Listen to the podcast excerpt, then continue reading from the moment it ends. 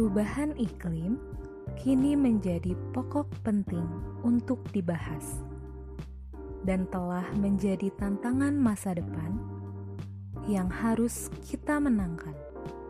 Hai kalian, para manusia modern. Halo, saya Sabita dengan partner saya di sini Melisa. Hari ini kita akan membahas tentang perubahan iklim. Perubahan iklim bumi sudah terjadi sepanjang sejarah. 11.700 tahun yang lalu adalah awal dari era iklim modern dan peradaban manusia. Sebagian besar penyebab dari perubahan iklim ini adalah variasi kecil di orbit bumi yang mengubah jumlah energi matahari yang bumi terima.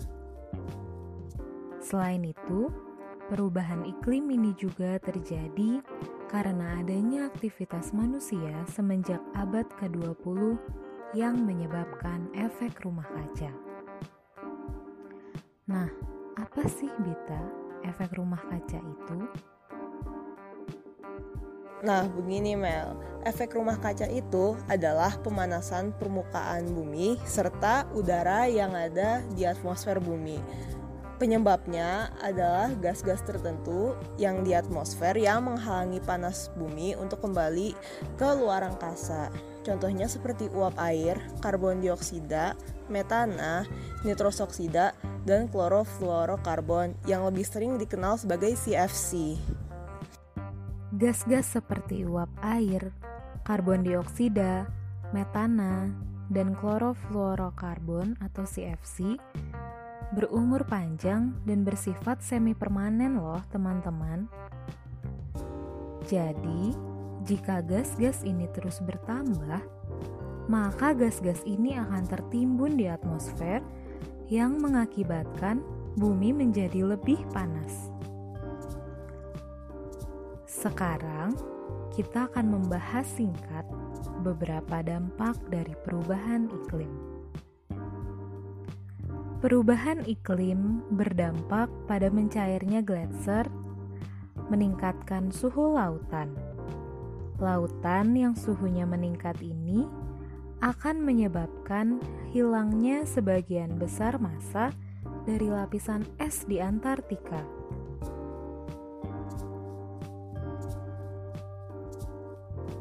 Dampak lain dari perubahan iklim adalah kenaikannya permukaan laut laut yang menyebabkan banjir pesisir dan kerusakan ekosistem alami laut. Selain itu, juga dapat terjadi cuaca ekstrim, misalnya musim kering yang ekstrim dan intens.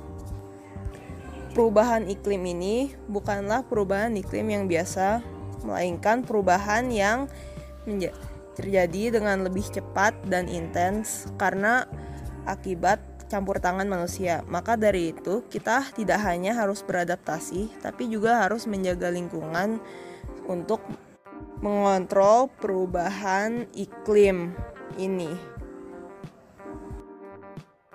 Langkah yang sangat sederhana yang bisa kita lakukan yaitu dengan mengurangi pemakaian plastik, melakukan pilah sampah, seperti memilah antara sampah plastik atau sampah organik.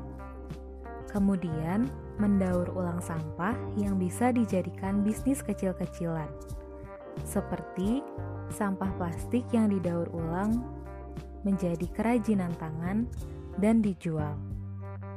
Menghemat penggunaan kertas, seperti mencatat catatan di alat digital atau di gadget menghemat penggunaan listrik, dan menanam pohon.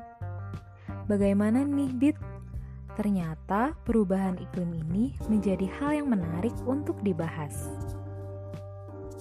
Wah, setuju banget sih Mel. Kita tuh harus peduli terhadap lingkungan kita dan memulai langkah-langkah kecil untuk mulai memperbaiki lingkungan. Nah, segitu saja dari kami. Bita dan Melisa pamit. Terima kasih sudah mendengarkan. Sampai jumpa.